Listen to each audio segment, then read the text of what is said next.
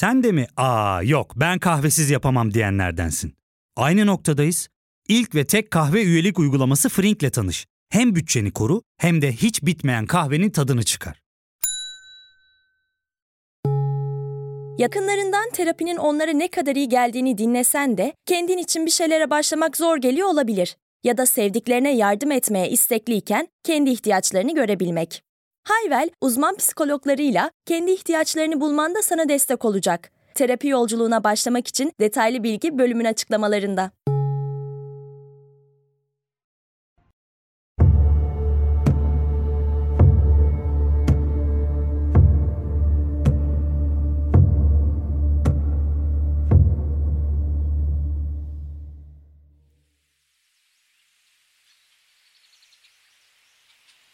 24 Şubat 2023 Cuma ve ben hala Hindistan'dayım. Bu ses kaydında özellikle herhangi bir şeyin teorisinden veya felsefesinden, filozofundan bahsetmeyeceğim ama yine de kendisi felsefi bir içerik olabilir. O yüzden beni sadece felsefe öğrenmek için takip ediyorsanız siz de hayal kırıklığına uğramayacaksınız. Ama biraz daha günlük gibi kullanacağım. Çünkü artık bunu aldım, artık Artık ne olacağını bilmiyorum. Artık gerçekten kaybolmuş hissediyorum. Biraz başa alalım. 24 Şubat 2023'te hala Hindistan'da olmam üzerine konuşarak başlayalım istiyorum. Ben normalde buraya 3 haftalığına geldim Hindistan'a. Önce bir tur yapacaktım. Sonrasında 4-5 gün Oroville'de, 4-5 gün Goa'da kalıp Sri Lanka'ya geçecektim. Ve maksimum hani burada kalacağım, Hindistan'da kalacağım süre 1 Şubat'a kadardı. Bu yüzden bir uçak biletim de vardı. Chennai havalimanından yani Oroville'e en yakın havalimanında Sri Lanka'ya gidecektim ama bu bilet böyle 1600-1700 lira civarında olan hani yaksan yakarsın bir bilette. En başında da aklımda bu vardı zaten. Çok pahalı bir bilet almayayım ki oldu ki Hindistan'da kalmak istedim. Değiştirebileyim, para iadesi alabileyim. Çok pahalı bir şey olmasın, gözden çıkarılabilir bir şey olsun diye düşünmüştüm. Zaten böyle düşünüyorsan o bilet yanar değil mi?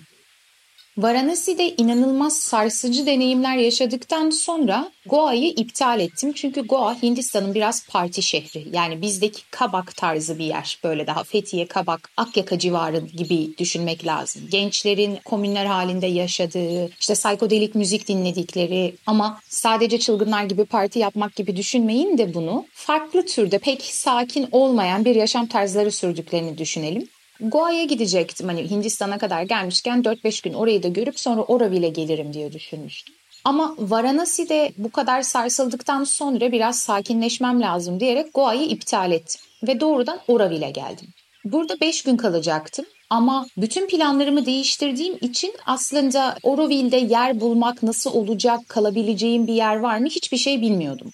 O sıralar ben Oroville'e gideceğimden bahsedince Türkiye'den beni tanıyan, takip eden insanlardan burada olanlar yazdı. Ya biz de buradayız işte ne zaman geleceksin, yer buldun mu? Çünkü Ocak, Şubat, Mart ayları Hindistan'ın aslında en popüler zamanları kış ya burada.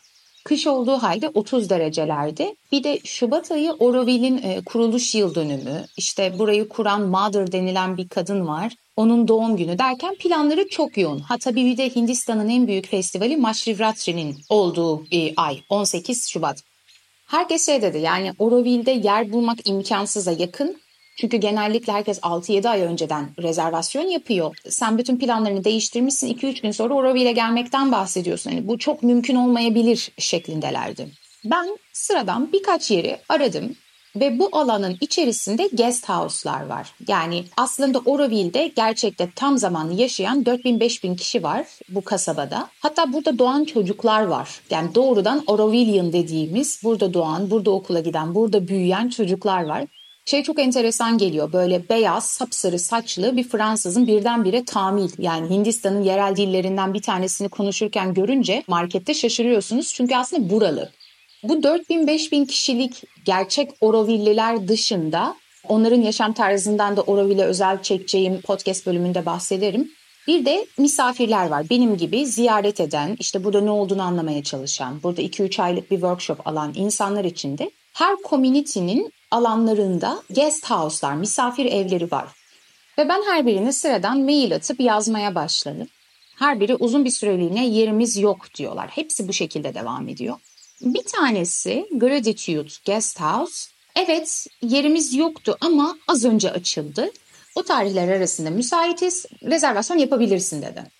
Bu arada gratitude bilmeyenler için şükran demek, minnet demek ve böyle her bir guest house'un olduğu community'ler, toplulukların alanlarının böyle isimleri var.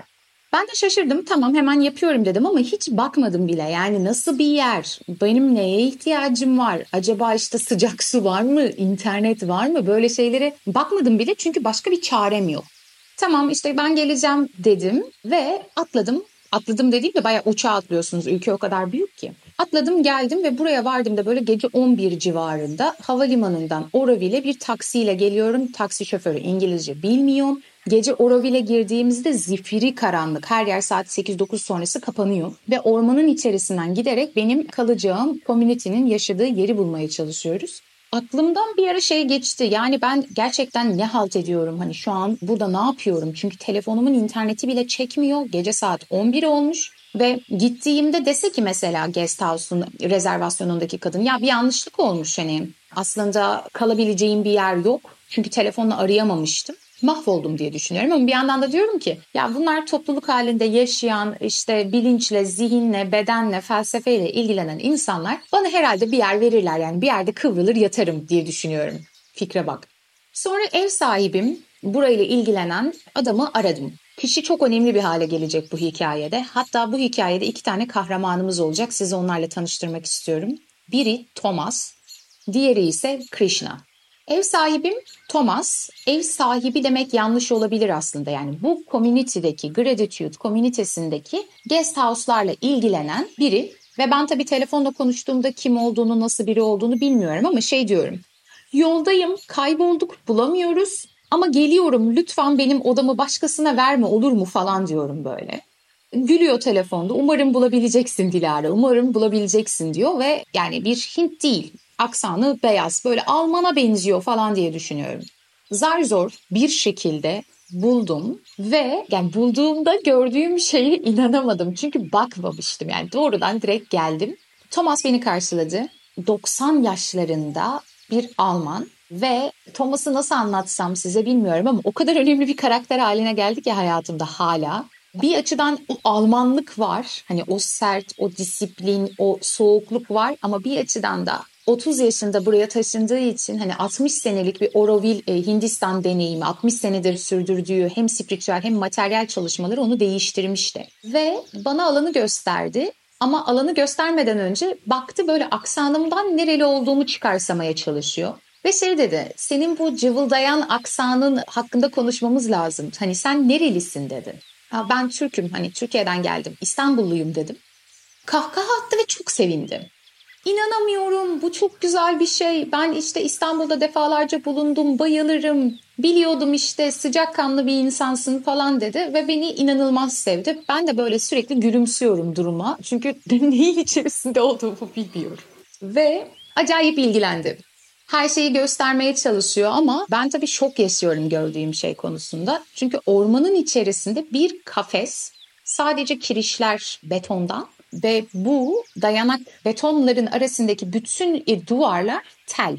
Sıkı tel yani içeriye sinek falan giremez ama bir duvar değil ve çatısı var. Bireysel bir daire gibi düşünün. Self-contained diye geçiyormuş. Bakmadığım için kendi banyosu var sağ olsunlar. Kendi mutfağı var. Yatabileceğiniz bir alan var. Çalışma masası var. Aslında temel yaşam ihtiyaçlarınız için gerekli olan her şey var. Zaten Thomas da şey dedi. Yaşamak için ihtiyacın olan her şey var. Şimdi böyle deyince o an bende jeton düşmedi. Çünkü herkesin yaşamak için ihtiyacı olan şeyler birbirinden farklı değil mi? Benim yaşamak için ihtiyacım olan şey internet. Çünkü ben YouTuber'ım yahu. Yani böyle çalışıyorum, böyle para kazanıyorum. Benim için çok önemli. Ama Thomas için bir ihtiyaç değil. Doğal olarak Wi-Fi, internet yok ve ormanın içerisinde izole bir alandayız ve Oroville hani sağlık işte integral health dedikleri bütüncül sağlık ve deneyim bilinç çalışmalarına odaklandıkları için her tarafta baz istasyonları falan da yok. O yüzden buranın ünlü hatlarından bir tanesini kullanıyor olsam da telefonum çekmiyor. Tabii ben bunu bir duyunca biraz üzüldüm. Ben ne yapacağım ya burada demeye başladım. Sonra da dedim ki hani dört gün idare edersin, kafelere gidersin. Ve Thomas'a dedim ki nasıl Wi-Fi yok? Hani bu çok önemli bir şey değil mi bu çağda? Aa yaşamak için internete falan ihtiyacın yok. Makineler insanı öldürüyor. Makineler insanı delirtiyor dedi. Yani ve şey dedi diye düşündüm. Evet ya hani ben 4-5 gün internetsiz ne yaparım? Bakalım 4-5 gün internetsiz Dilara nasıl oluyormuş? Hani hep şeyden bahsediyoruz ya kullandığımız araçlar bu araç, bu tool kavramları bedenimizin bir parçası gibi artık. Telefon mesela elimin uzantısı gibi. Çoktan aslında biz transhümanistik bir kurguya geçtik, siborglaştık. Telefon var, internet var, kullandığım bir sürü cihaz var. Ve bu uzantım olmaksızın ne yaparım acaba? Sen deneyime gelmiştin, al sana deneyim diye düşünüyorum. Ve Thomas'ı orada yargılamak, onunla tartışmak yerine ben buraya, burayı deneyimlemeye geldim diye düşündüm. Makineler insanı delirtiyor. Hadi bunu tartış. İyi de bunu tartışacaksam, bu konudaki yargımı dikte edeceksem niye buradayım? Ben buraya anlamaya geldim. Sonra tamam sorun değil diye düşünürken sıcak suyun da olmadığını öğrendim ve ben böyle kaynar suyla duş alan tiplerdenim. Yaz kış ve yaz kış çok üşürüm. Hatta böyle şey olur ya insanlarla röportaj yaptıklarında senin hakkında bize çok acayip bir şey söyle deseler şey derdim sanırım. Ben Temmuz'da bile çoraplarıyla uyuyan insanlardanım. Hani bütün gün yalın ayak sahilde dolaşayım, denize gireyim sorun değil. Gece yatarken yazlık kışlık çoraplarım var dokusunun kalınlığı mevsime göre değişiyor. Yatağımın yanında pijamalarımın yanında bir çorap var. Ayaklarımı kapatıyorum. Ayaklarımın üşüdüğünden dolayı değil. Çok açık bir şekilde binlerce kişiyle bu kadar şey bir durumu paylaşıyorum ama olsun. Görünmüyor olmak podcast'te insana nasıl rahatlatıyor? Sanki böyle arkadaşlarımla muhabbet eder gibi konuşabiliyorum yatarken ayağıma bir şeyin değmesinden rahatsız oluyorum. Yani bu bende bir obsesif bir durum çocukluğumdan beri bir takıntı. Bir şey bana değmeyecek. O yüzden onu kapatmam lazım. Ayaklarımı kapatmam lazım. evet Dilara ve saçmalıkları. Bunları niye anlattığımı bile bilmiyorum ama anlatacağım. Çünkü ayağımda bir alçı var ve Hindistan'da sıkışmış durumdayım ve çok sıkılıyorum. Evet ve sıcak suyun olmadığını da öğrenince dedim ki Dilara şimdi yandın. Hani 5 gün 30 derece orman, toz duman içerisinde her yer ve ben hijyen takıntılıyım. Sabah akşam duş almam gerekir. Kabağa gittiğimde böyle Fethiye'deki Kabak tarafında kampa ilk gittiğim seneyi hatırlıyorum. Günde 6 kez duş alıyorum. Ayaklarımı yıkıyorum tozlar e, gitsin diye. Duş alıyorsun, duştan çıkıyorsun, iki adım atıyorsun, rüzgar, püf, her yer toz duman. Ve yani mücadele ediyorum temizlikle. Hastalık işte takıntı. Bir açıdan da artık olgunlaştığım için kendimce şey diyorum hani bunlar çok önemli deneyimler. Belki bunları aşarsın falan. Sonra Thomas benim için endişelendi. Baktı ki ben biraz daha işte şehir kızı, prenses prenses gelmişim. Üç tane valiz yanımda kocaman. İnternet yok mu? Sıcak su yok mu falan diyorum. Şey dedi Dilara sana acil bir araç çözmemiz lazım. Hani benim bisiklet var burada bir tane. Onu sana ayarlayayım. Bir de senin şu an su ihtiyacın konusunda endişeliyim. Ben bunları çözeceğim. Ama bir elinde bastonu var. Bembeyaz tontiş bir dede gibi düşünün. Masmavi gözler. Yani muazzam tatlı bir karakter. Bana bir 5 litrelik damacana su getirdi. Bisiklet konusuna sabah bakarız falan dedi ve beni orada e, bıraktı. Aa, bırakmadan önce biraz İstanbul hikayelerinden bahsetti. Hani böyle bir yaştan sonra insanlar hikaye anlatmayı çok seviyorlar ya. Ben yorgunluktan ölüyorum, açlıktan da ölüyorum ve böyle bir saat İstanbul hikayeleri dinliyorum falan. Ama o kadar tatlı bir adam ki böyle gözlerimin içine bakıyor gülerek. Ben de ona gülümseyerek bakıyorum. Ve şey dedi ben de senin yaşındaydım buraya ilk kez geldiğimde ve ben de sadece bir haftalığına gelmiştim dedi. Ve daha garip bir ortak özellik söyleyeyim. O da Londra'dan gelmiş. Londra'ya dilini geliştirmeye gitmiş ve sonrasında Hindistan'a gelmiş. Bu hikayeler böyle çok hoşuma gitti. Ayrılmak istemedi yanımdan. Sonra gitti ve ben etrafa baktığımda bir kafesin içerisinde ormandayım. Kuş sesleri arkada tropikal bir yer yani. Buz gibi ne olacak nasıl yatacağım bir de titizlik hastalığı var ya çarşafa yatmamaya çalışıyorum falan. Şimdi bir görseniz hiç umurumda değil. Kertenkele dolaşıyor mutfağımda aman diyorum yani doğa. Çünkü aradan bayağı zaman geçtim. Tarih 24 Ocak bu olayların olduğu zaman. Gece uyuyamadım. Hiç. Donuyorum. Donuyorum. Sağa dönüyorum, sola dönüyorum. Çok kötü. Ben burada ne yapıyorum? Kendine bunu yapmaya gerek var mı gerçekten? Tamam, yarın gidiyorum. Yarın çıkacağım. Oroville'deki her şeyi göreceğim. Fotoğraflarını çekeceğim, videolarını çekeceğim. Hani içerik yapacağım ya. Çünkü amaç bu sanki. Sonra yarın gidiyorum. Kesinlikle gidiyorum modundayım. Ama nasıl uykusuzum bir yandan da ve nasıl korkuyorum. Sürekli bir ses geliyor. Çatıdan ses geliyor mesela. Çatıya sanki biri geliyormuş gibi ormanın içerisinde. Ve başka bir itiraf daha madem samimi olacak diye başladık. Ben karanlıktan çok korkardım. Küçükken hep bir odanın ışığı açık bırakılırdı ben yatarken. Ve bir itiraf daha. Bunu çok az insanla paylaşmış olabilirim. Aynalardan da çok korkardım.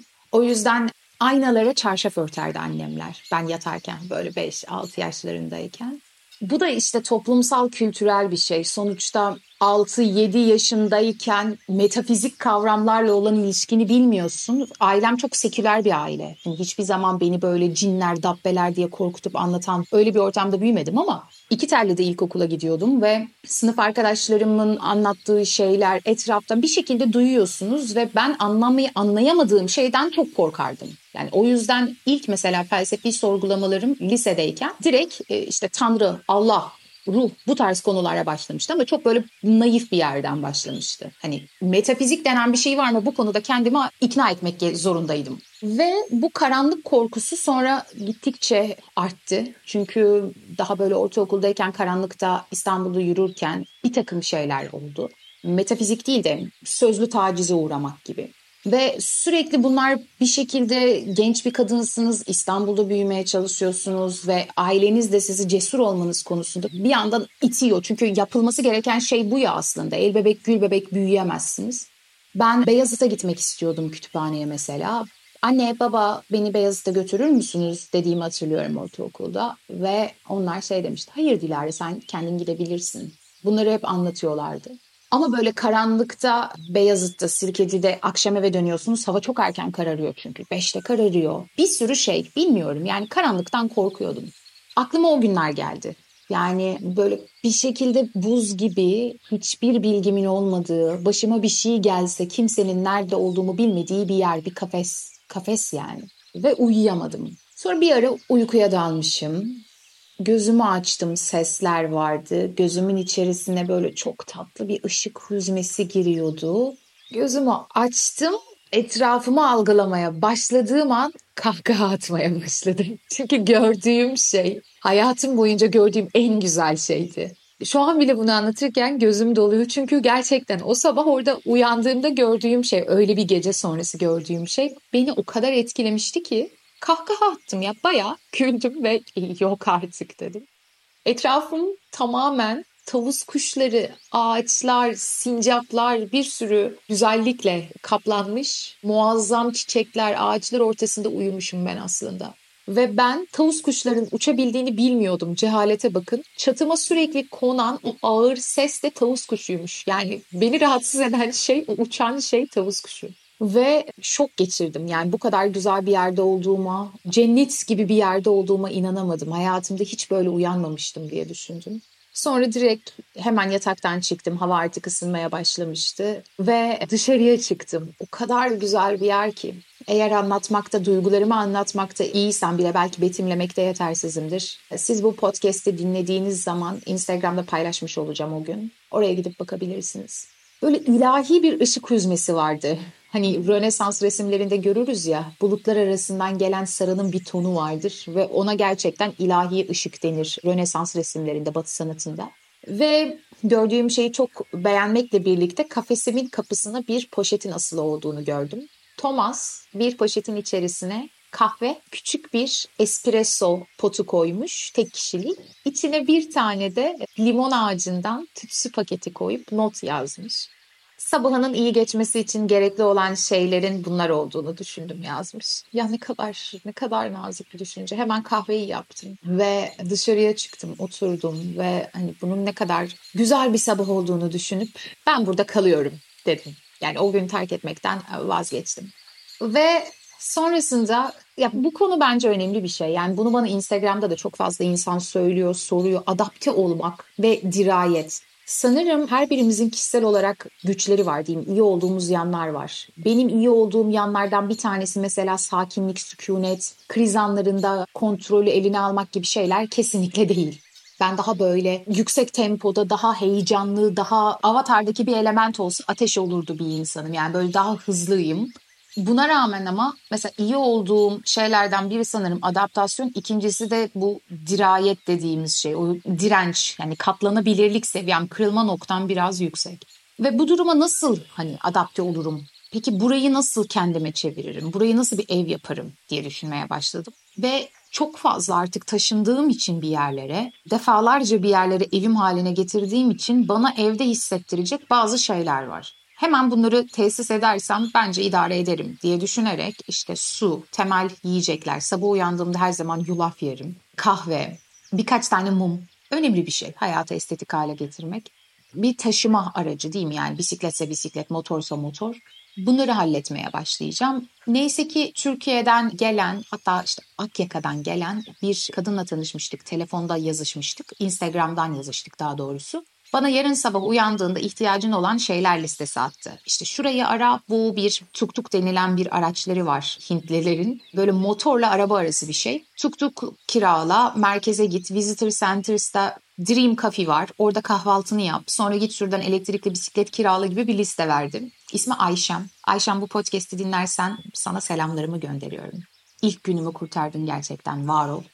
Hemen listeye başladım. Takır takır ilerliyorum ve dolanıyorum sim kart konusunda. Acaba ne yapabilirim? Hani yüksek paketli bir internet paketim olsa, yüksek internet gigabaytı olan bir paketim olsa ben böyle devam ederim birkaç gün diye düşünüyorum. Dolanırken kenarda duran biriyle karşılaştım. Genç bir çocuk bana bakıyor ve anlamaya çalışıyor ne yapmaya çalıştığımı. Çünkü etrafta dolanıyorum ve hani bir şey arıyorum çok belli. O bana bir şey sormadan ben ona sormaya gittim. Merhaba dedim. Böyle yaptım. Merhaba iyi ki geldin. Bir şeye ihtiyacın var çok belli. Ben sana yardımcı olabilecek en iyi insanım. İsmi Ananta. Burada doğmuş büyümüş. Benim yaşlarımda genç bir erkek ve bir rehber. Yani burada doğup büyüdüğü için benim gibi yurt dışından gelen yabancılara yardımcı oluyor. Ama bunu şey gibi düşünmeyin böyle çok pahalı bir rehberlik servisi gibi değil de buraya adapte olmaya çalışan, uyum sağlamaya çalışan insanların hayatını kolaylaştırmaya çalışıyor. Çünkü dil İngilizce evet herkes biliyor ama bir şeye ihtiyacınız var diyelim ki daha büyük ölçekte kasaba yani şehre gitmeniz gerekti. Pondicherry'e gitmeniz gerekiyor. Herkes Hindi ya da Hintçe dahi değil Tamil konuşuyor. Tamil dilinde konuşuyor. Çünkü Hindistan'da böyle 20 küsür resmi dil var ve aslında işte kuzeyde Delhi'de yaşayan bir Hintli bile buraya geldiğinde yabancı. Aynı dili konuşmuyorlar, birbirlerini kesinlikle anlamıyorlar ve ortak bir kelime dahi yok. O yüzden böyle daha kolaylaştıran biriymiş gibi düşünün onu. Ben de şey dedim tam olarak aradığım insan sensin o zaman. Çünkü hani burada doğup büyüdüğü için işte motor nerede kiralayacağım her şeyi çözeriz birlikte. Ve dedim ki hani servisinin ücreti ne? Bir günlük servisinin ücreti ne?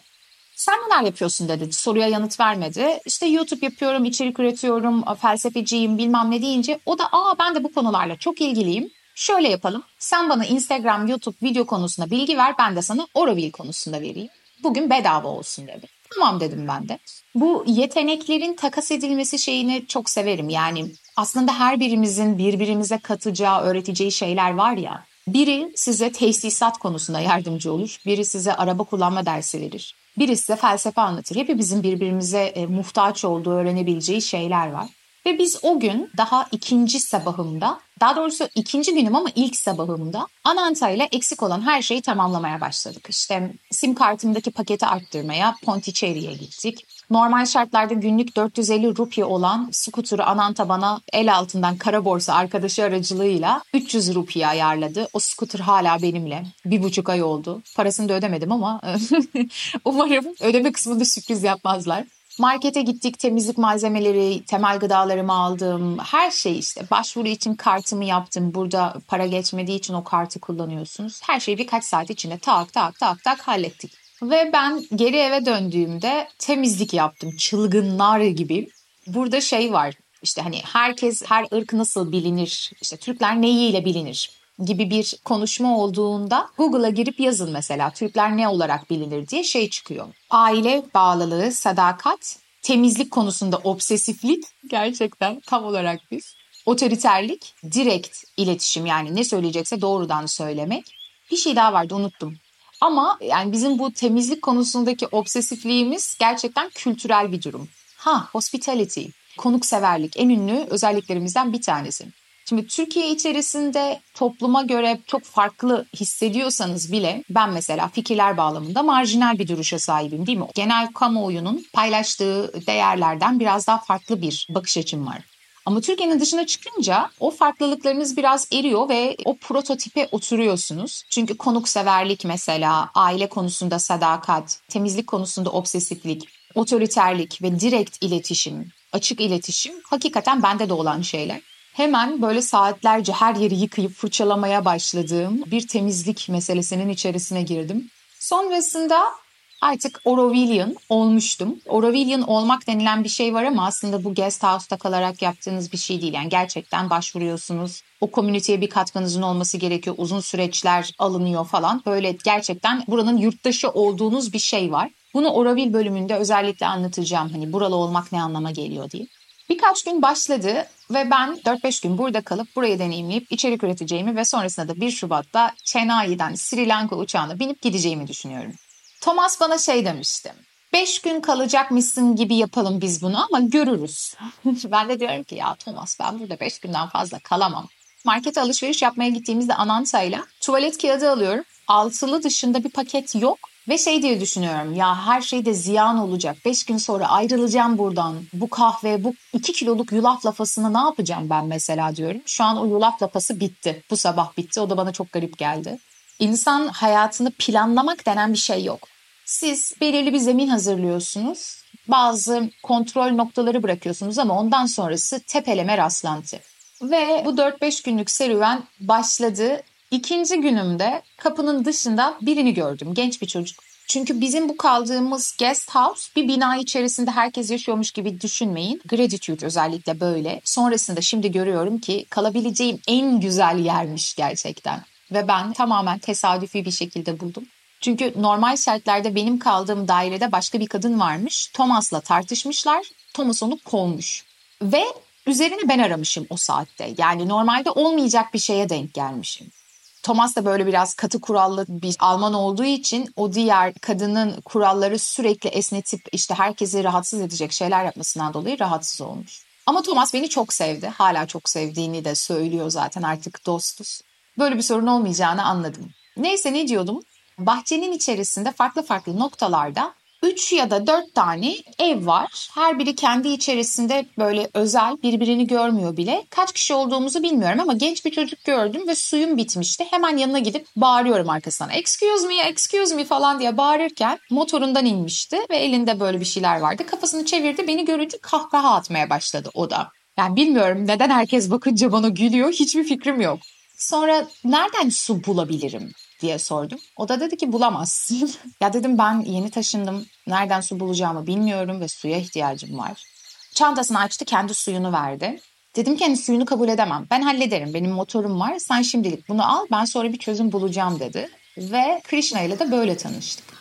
Sonrasında neler yaptığımı sordu. Böyle ayaküstü muhabbet etmeye çalışıyorduk ve anlattım, projeden bahsettim. Ve burada ne yaptığımı bilmiyorum açıkçası gibi bir şey söyledim. Çok açık, çok rahat bir şekilde. Bizim seninle konuşmamız lazım. Çünkü ben de bu konularla ilgileniyorum ve hani bu konular benim de sorularım dedi. Ben de müsait olduğumuzda bir ara muhabbet ederiz dedim ama çok gelişi güzel. Çünkü o an su gibi böyle temel ihtiyaçlarımı nasıl karşılayabileceğimi düşünüyorum açıkçası. Krishna nasıl biri ondan da biraz bahsedeyim ki hikayemizdeki bütün karakterler yerli yerine otursun. 28 yaşında bunu sonradan öğreniyorum. Hint ve Hindi konuşan Hintlerden yani Kuzey Hindistan'dan Jaipur adlı şehirden benim Hindistan'da en beğendiğim şehir olan yerden ailesi ve Hindu yani Hinduizm dediğimiz dine mensup ama ona göre bu bir din değil. Sonrasında bir buçuk ayı birlikte geçirdiğimiz için öğrendiğim şeylerden bir tanesi bayağı bir yaşam felsefesi. Ve bana hani yardımcı olabileceğini bu konularda zaten çalıştığını falan söyledi ama o kadar nazik ve alçak gönüllü biri ki şey demiyor. Sonrasından anlıyorsunuz. Bu konuda uzman olduğunu söylemiyor. Ben de ha tabii falan diyorum böyle bütün şeyimle tam bir Güney İngiliz havasında. Aa evet çok sevinirim diye nazik nazik konuşuyorum ama içimden şey diye düşünüyorum. Bu konuşma bitse de ben artık suyumu alsam da içsem susuzluktan ölüyorum diye düşünüyorum. Yani çok kabayım gerçekten. Ve gitti sonra bir saat kadar sonra bana 5 litrelik bir su getirmişti.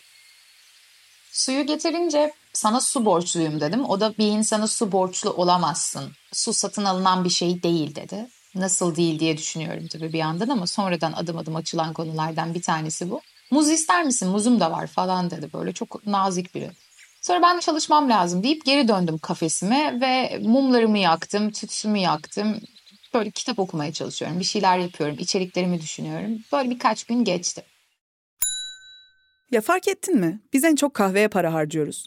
Yok abi, bundan sonra günde bir. Aa, sen Frink kullanmıyor musun? Nasıl yani? Yani kahvenden kısmına gerek yok. Frink'e üye olursan aylık sadece 1200 TL'ye istediğin çeşit kahveyi istediğin kadar içebilirsin. Günlük 40 TL'ye sınırsız kahve mi yani? Çok iyiymiş. Aynen. Hatta şu anda 200 TL'lik bir indirim kodu da var. E hadi hemen indirip üye ol da bu fırsatı kaçırma. Terapiye başlamak, içinden çıkamadığın döngüleri kırmak, bazı yanlış bulduğun kararlarını değiştirmek ve kendinle beraber daha huzurlu bir yaşam inşa etmek için atabileceğin en değerli adımlardan biri. Hayvel ile yoğun yaşam tempona uyum sağlayarak online terapi seanslarını takvimine göre ayarlayabilirsin. Bini aşkın uzmandan sana en uygun terapisti seçebilir, podb10 koduyla indirimden yararlanabilirsin. Detaylı bilgi açıklamalardaki bağlantıda.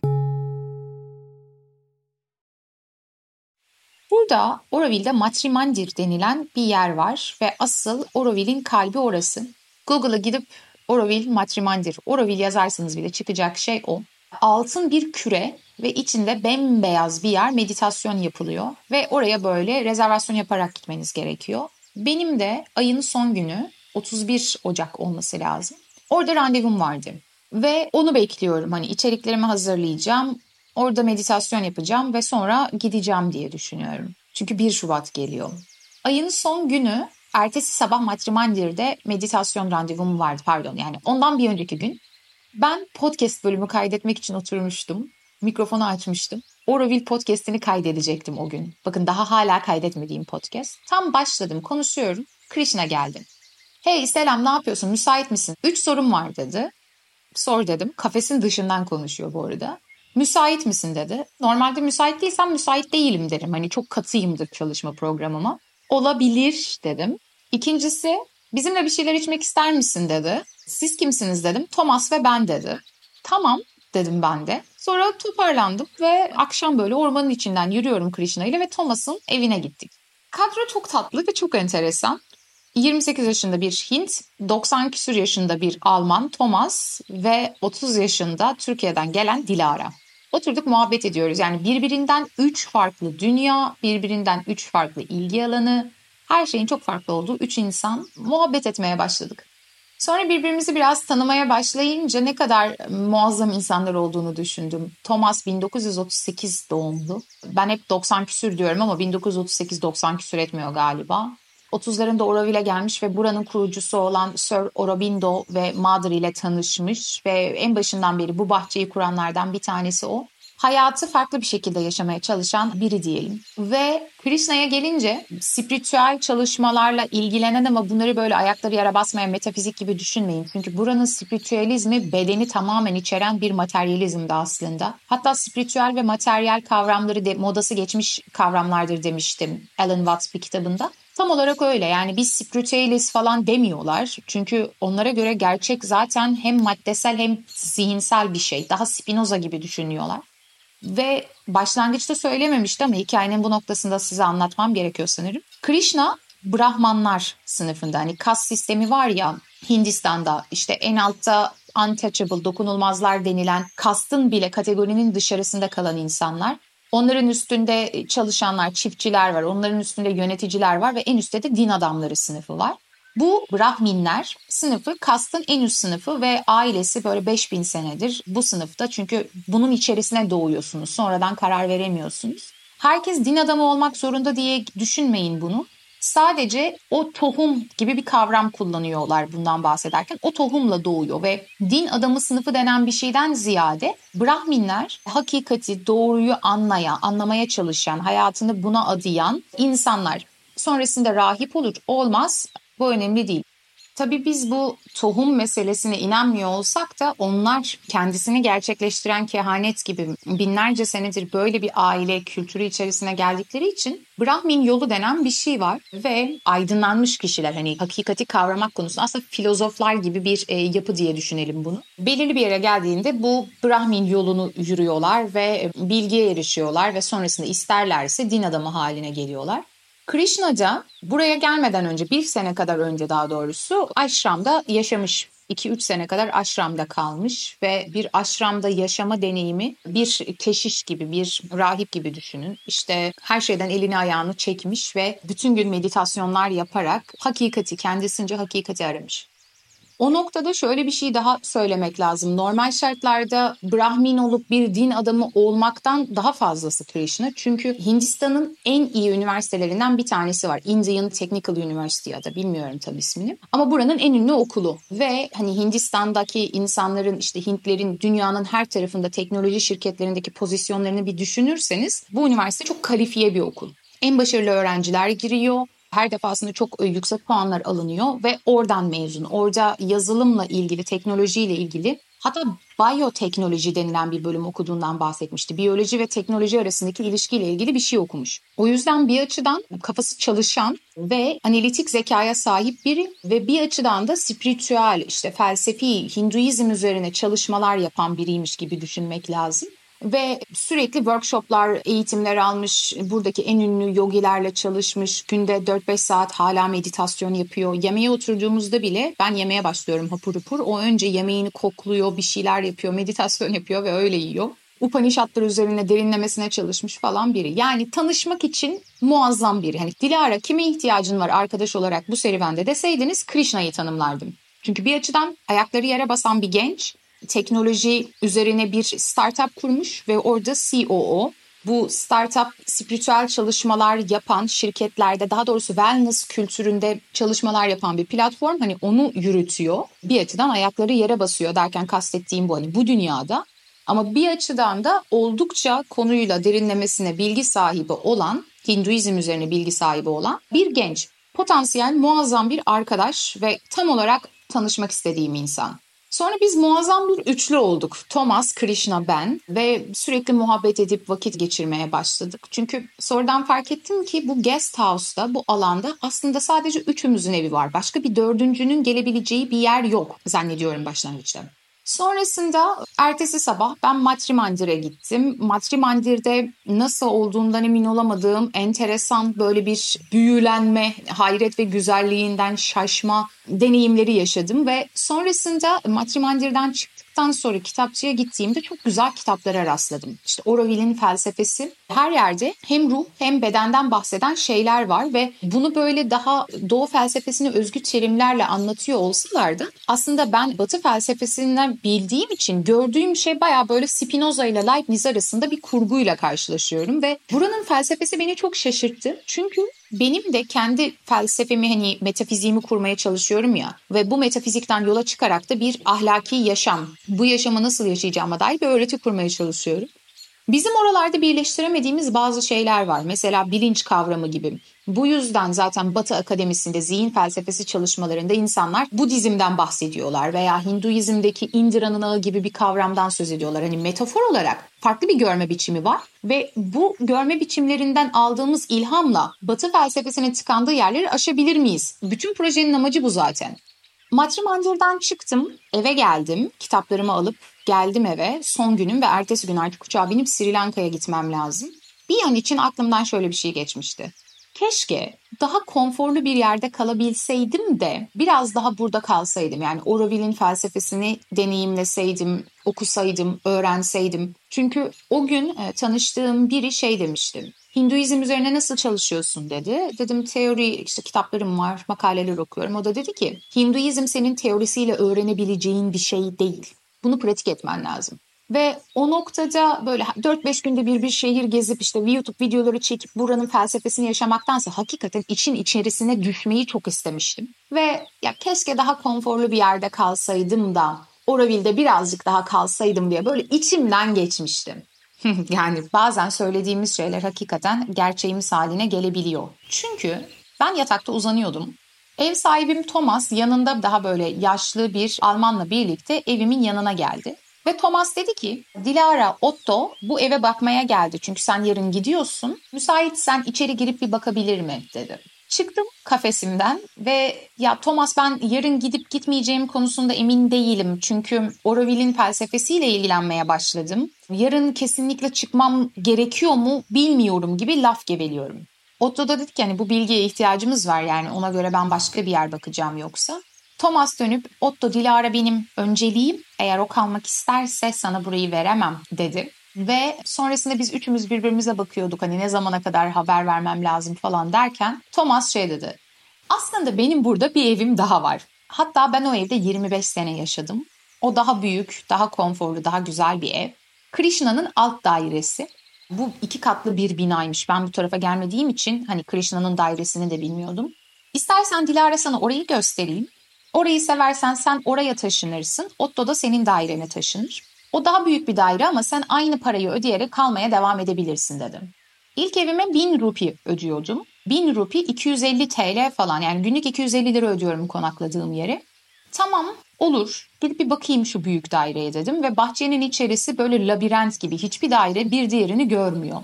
Buraya doğru geldim iki katlı bir bina gibi düşünün burayı ama çok güzel bir bina. Böyle çadıra benziyor. Çünkü her tarafı zaten yine tel ama daha fazla beton duvar kiriş varmış gibi düşünün. Benimki giriş katındaki içeriye bir girdim. Hayatımda gördüğüm en bohem, en güzel evlerden bir tanesi. Her yer ahşap, hasır. 1960'larda gelen Fransızlar yapmışlar burayı. Hani bu hippiler var ya hippi çiçek çocuklar dediğimiz. Bütün küçük detaylar hepsi korunmuş 60-70 senedir. Küçük heykeller yani muazzam bir yer. Salonun etrafı komple dışarıyı görüyor ve hala ormanın içerisindesiniz. Bu evin de fotoğraflarını Instagram hesabımda paylaşacağım ki görün. Betimleme konusundaki beceriksizliğim düşünüldüğünde ve çok çok güzel bir yer. Hani burada çok konforlu bir şekilde yaşayabilirsiniz çünkü 70 metrekare falan bir yer. Tamam ben buraya taşınıyorum dedim. Üstü de çatı kısmı bir daire daha ve Krishna da orada yaşıyor. Bir açıdan da şey diye düşünüyorum hani bu kadar altlı üstlü yaşayacağız aynı bahçeyi verandayı kullanacağız acaba rahat edebilir miyiz falan diye düşünüyorum. Çünkü biliyorum o da uzaktan çalıştığı için bütün gün verandada bilgisayarını açıp çalışıyor. Hani ses olacak mı acaba taşınmasam mı falan diye aklımdan geçiyor. Ama sonra da dedim ki herkese ya zaten ben maksimum bir hafta daha kalırım burada.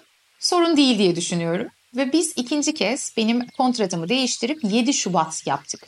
Buraya taşındım. Şu an hala kaldığım eve. Bütün eşyaları oradan buraya taşıdım. Burayı da tekrar temizledim ve burada yaşamaya başladım. İkinci uzatılmış kontratımla. İnsanlar sürekli bana şey dediler. İşte Şubat'ta 18 Şubat'ta Maşrivratri var. Shiva Festivali. 28'inde Oroville'in kuruluş yıl dönümü olduğu için kocaman bir ateş yakılacak. Sabah 5'te herkes meditasyon yapacak açık alanda. Ve ben diyorum ki ya ben bunları göremeyeceğim. Neyse bir dahaki sefere. Hani onlarda kesinlikle burada olmayacağım falan diyorum. Çünkü Krishna da 22'sinde 22 Şubat'ta ayrılıyor ve ben zaten erken ayrılacağım için sen yine biraz daha tek başına burada yaşayabilirsin diye konuşuyoruz.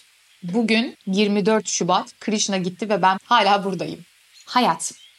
Ve buraya taşındıktan sonra mükemmel günler yaşamaya başladım. Çünkü hem çok yakın arkadaş olduk Krishna ile ve sabahtan akşama kadar bahçede biraz çalışıyoruz. Sonra o burayı çok iyi biliyor. Beni e, buradaki farmlara, restoran değil bakın bunlar çiftlikler ve o çiftliklerin içerisinde yapılan yemekleri doğrudan servis edilen yerlere götürüyor.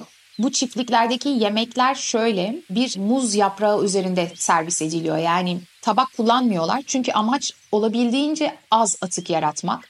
Muz yaprağı üzerine sulu yemeği, pilavı her şeyi koyuyorlar ve ellerinizle yemeniz gerekiyor. Krishna da benim bunu deneyimlemek istediğimi ve bir açıdan da böyle çok kurallara dikkat eden işte kaşık çatal bıçakla yiyen daha prenses bir tip olduğumu bildiği için beni farma götürdüğünde bu çiftlikteki yemeğe götürdüğünde şey dedi burada kaşık yok elinle yemen lazım dedi. Ben de şey diye düşünüyorum hani elimle nasıl yemek yiyeceğim sulu yemek yahu bu. Pilav dedikleri bir zemin var. Kara buğday gibi esmer pirinci zemin olarak kullanıyorlar. Üzerine bütün yemekleri koyup elleriyle karıştırıyorlar. Vıcık vıcık bir şey sonra onu yiyorlar. Ve arkadaşım da olduğu için şey gibi kabalık gibi bir yerden konuşmadığımı biliyor. Çok nazik bir şekilde diyorum ki hani ben böyle yiyemiyorum. Dedi ki niye? Bunun medeniyet dışı iğrenç bir şey olduğunu düşünüyorsun değil mi dedi. Evet diyemedim ama anladı. Dedi ki Bir insan dokunmaktan çekindiği, dokunurken bile tiksindiği bir şeyi nasıl midesine alır? Yani sen ona dokunamıyorsun bile ama onu yiyorsun. Ellerin senin bedenin kaşık değil. Bu kaşığın nasıl yıkanmış ellerinden daha temiz olduğunu düşünüyorsun. Neden yemeğine dokunmaktan çekiniyorsun? Durdum. Haklı. Yani ellerimle dokunduğumda tiksindirici gelen kıvamı olan şeyi nasıl yiyip içime atabiliyorum? Yani burada bir gariplik var. Ben neden sıvı olan yemeğime dokunmaktan tiksiniyorum da yemekten tiksinmiyorum. Çünkü kaşık da yıkanıyor ve herkesin ağzına değen bir şey. Ben ellerimi de yıkıyorum orada yemekten önce. Burada ne var? Hani ben elimden mi tiksiniyorum, kendimden mi tiksiniyorum gibi bir yerdeyim. Sonrasında yemeye çalıştım ama şunu fark ettim çok enteresan. Ellerinizle yemek yemek çok zor. Krishna için de kaşık çatal bıçak kullanmak çok zor ve tam da o fenomenolojideki yaşama dünyası dediğimiz yere geliyoruz. Yani kaşık çatal bıçak kullanmanın kolaylığı veya zorluğu tamamen yaşama dünyalarımıza bağlı. Neyin hijyenik, neyin doğru, neyin şık, neyin medeni tırnak içerisinde medeni olduğu da yaşam dünyalarımıza bağlı. Krishna'nın zaten bu konuyla ilgili büyük bir derdi var. Hatta şey demişti, içinde tuttuğun, yanlış olduğunu bildiğin ama böyle en büyük kızgınlığın ne diye bana sormuştu. Ben beni rahatsız eden bir şey söyledim. Onu şimdi paylaşmaya hazır hissetmiyorum sanırım. O da beyaz insan öfkesi demişti. Yani onunki de buymuş. Kendisinde gördüğü şey. Çünkü İngilizler buraya geldikten sonra 200 sene boyunca aslında sürdürdükleri politika Hint olmanın utanılacak bir şey olması. Yani aşağı bir şey olması ve bunun onlara empoze ediyorlar kendi okullarında Hintçe konuşamıyorlar mesela. İngilizce konuşmak zorundalar. Ve kendi kendilerine yabancılaştırılıp kendi kendilerinin daha aşağı bir kültür olduğunu inandırılmışlar. O yüzden mesela Krishna'nın ailesi kaşık çatal bıçak kullandığı halde o elle yemeye başlamış aşramda ve bu konuda çok ısrarcı olduğunu fark ettim. Yani çünkü bu onun neyin medeni olduğu konusunda ona dayatılan konularla başı çıkma, onlarla ilgili bir sorgulama yapma biçimi. Ve sonrasında birkaç gün önce artık aradan bir ay geçti şeyi de itiraf etti. Normal şartlarda bu kadar her şeyi elimle yemiyordum ama seninle birlikteyken özellikle yapıyorum dedi. Hani benim alışmam için beni biraz böyle daha rahatsız etmek ve hani konuyu çözümlemem için yaptığını söyledi. Çünkü o farmda kaşık varmış mesela. Bana yok demişti ve ben orada aç kaldım ellerimle yemek yiyemediğim için. Sonrasında öğrendim ve kaşıkla yemeye başladım. Böyle gerçekten iki farklı dünyada yaşamış insanın ama ortak merakları olan gerçek, varlık, hakikat nasıl yaşayacağız gibi sorularda ortak merakları olan iki insanın dostluğu çok çok özel bir dostluk. Gerçekten hani hayatım boyunca bana en çok ilham veren insanlar listesinden biri. Her konuda aşırı bilgece davrandığı bir yer oluyor benden farklı olarak. Tabakta yemek bıraktığında kavga çıkartıyor mesela. Hani kavga ediyor ve bağırıyor gibi değil de yani her konuda ve bunu böyle çok dikte edermiş gibi bir yerden düşünmemek lazım. Çünkü ses tonu zaten sürekli çok sakin. Benim tam olarak her konuda aksim. Ve sürekli bir konuda bir soru ve bir yaklaşım söyleyerek kafanızın içerisinde soru oluşmasına yol açıyor ve bundan daha iyi bir yol arkadaşı insan gerçekten düşünemiyor. Böyle deyince bütün vakti birlikte geçirmeye başladık. Akşamları Upanishadlar okuyup üstüne tartışmak, sabahları teknolojideki yapay zeka araçlarının benim işime nasıl entegre edebileceğimizi konuşmaktan tutun da her konuda ve aramızda bir oyun oynamaya karar verdik. O bana daha spiritüel, Hint kültürü içerisinde hayata bakışı ve neyin önemli olduğunu anlatıp göstermeye, deneyimletmeye çalıştı.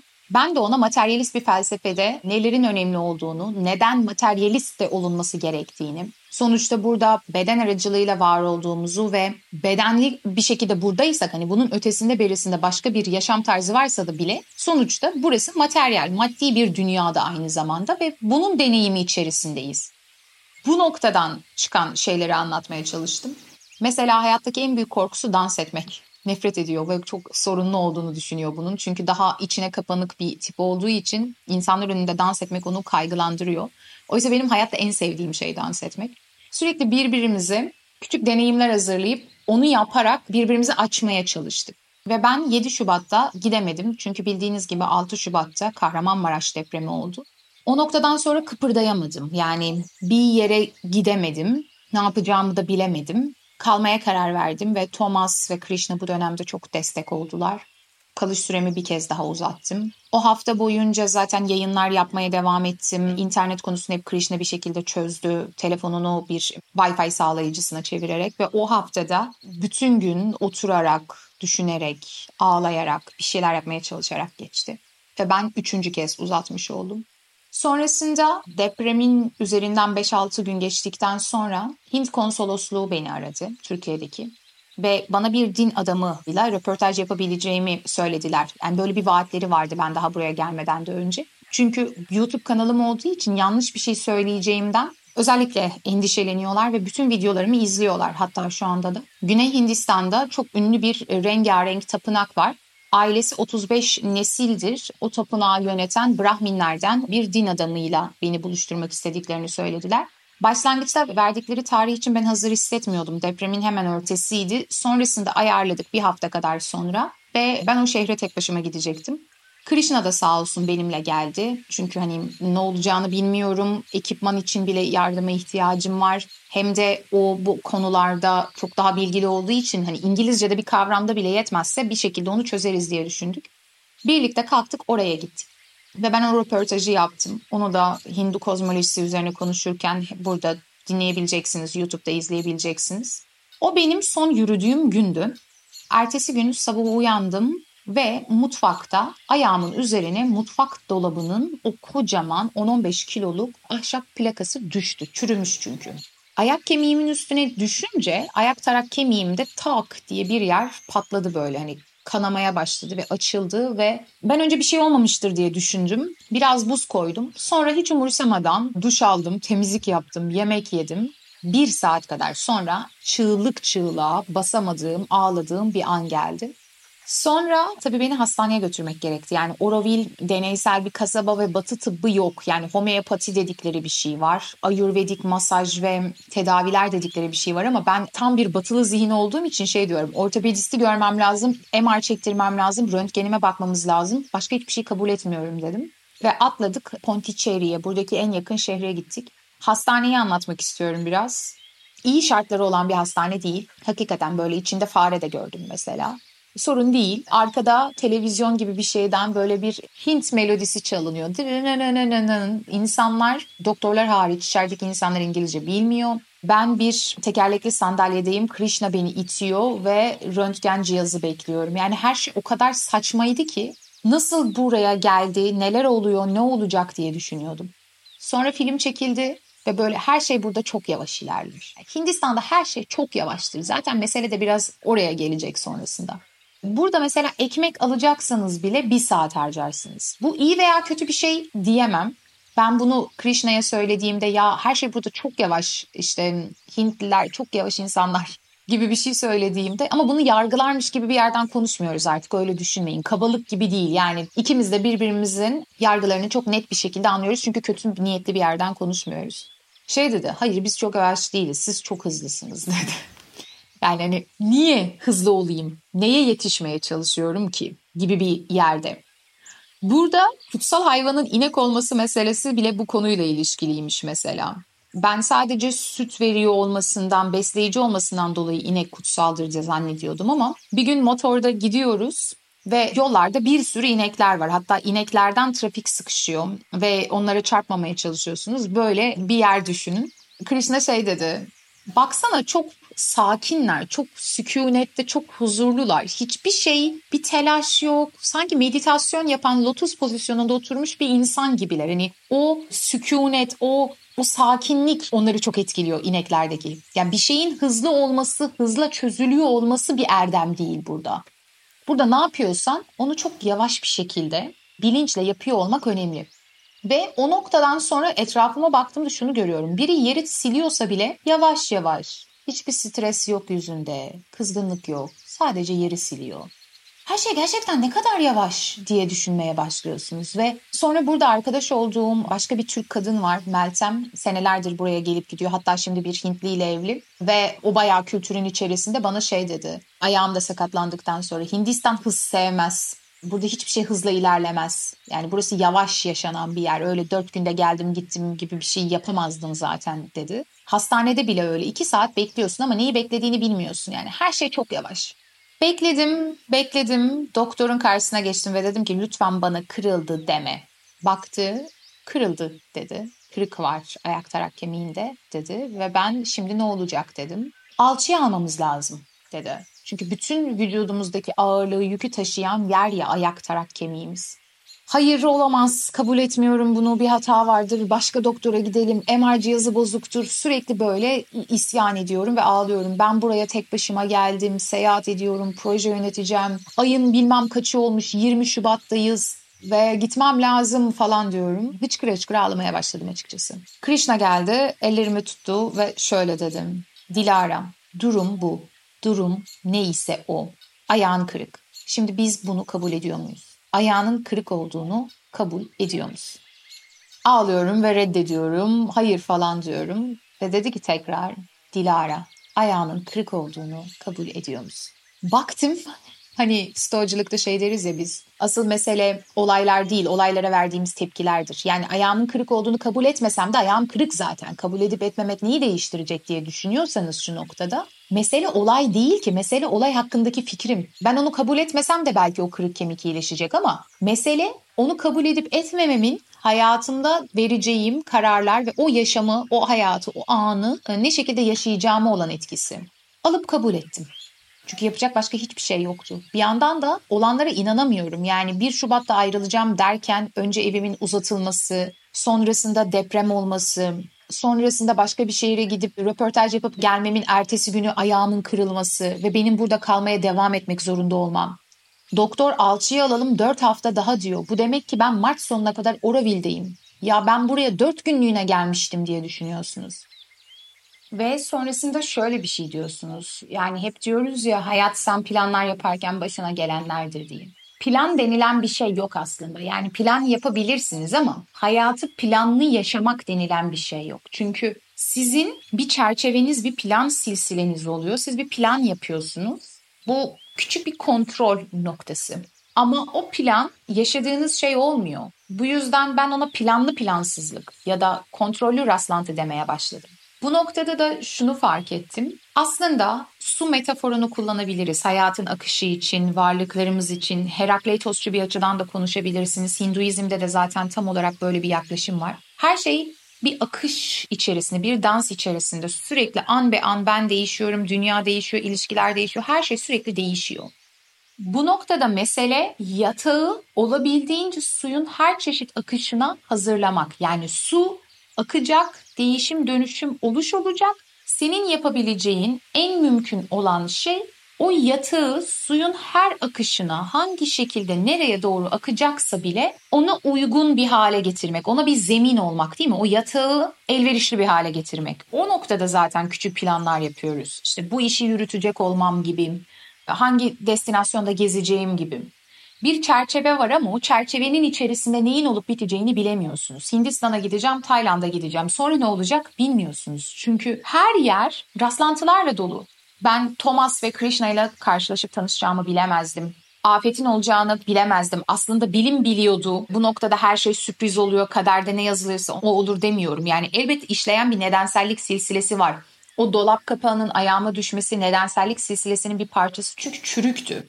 Ama kısıtlı perspektifim içerisinden yaşarken bütün nedensellik dizisinin neyin nereye doğru götüreceğini bilemediğim için ben başıma bir an sonra ne geleceğini bilemiyorum. Laplace demişti ya nedensellik dizisinde var olan her şeyi bilirsem, bütün nedenleri bilirsem geleceği an be an açıklarım.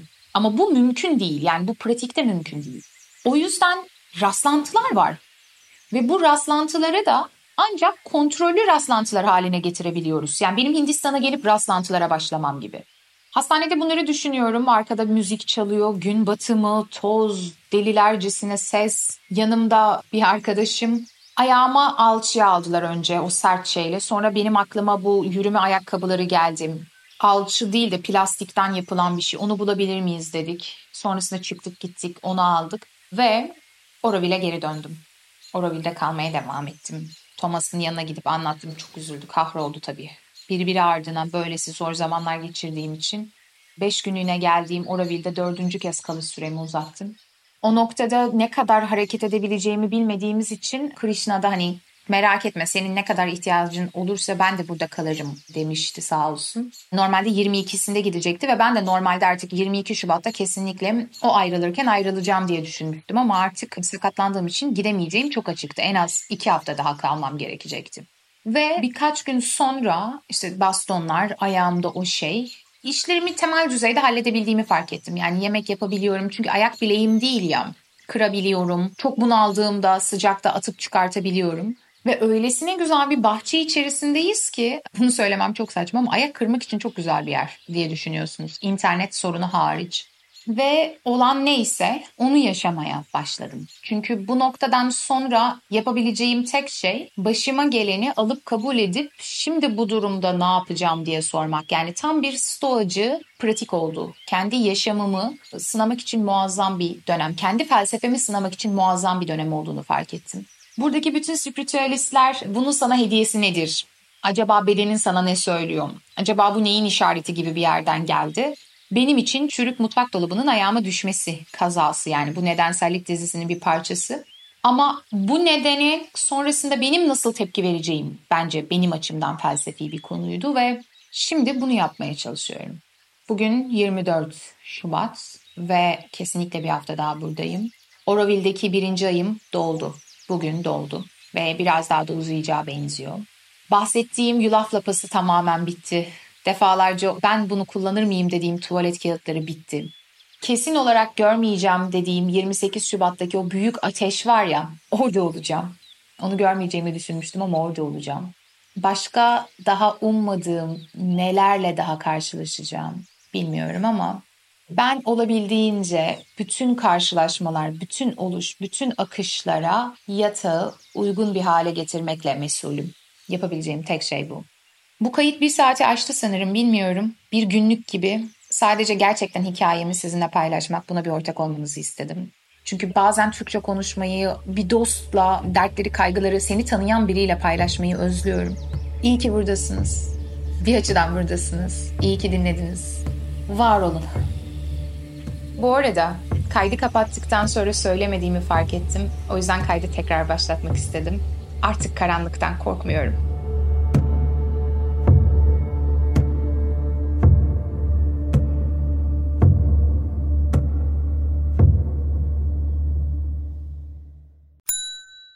İlk ve tek kahve üyelik uygulaması Frink, 46 ildeki 500'den fazla noktada seni bekliyor. Açıklamadaki kodu girerek sana özel 200 TL'lik indirimden faydalanmayı unutma. Hadi sen de Frink üyeliğini başlat, kahven hiç bitmesin. Hem bugününe hem yarınına katacaklarıyla terapi yolculuğuna ve daha iyi hissetmeye bugün Hayvel ile başla. Açıklamadaki linkten Hayvel'i indir, ücretsiz tanışma görüşmelerinin ardından bütçene uygun seans paketini seç ve terapi yolculuğuna başla.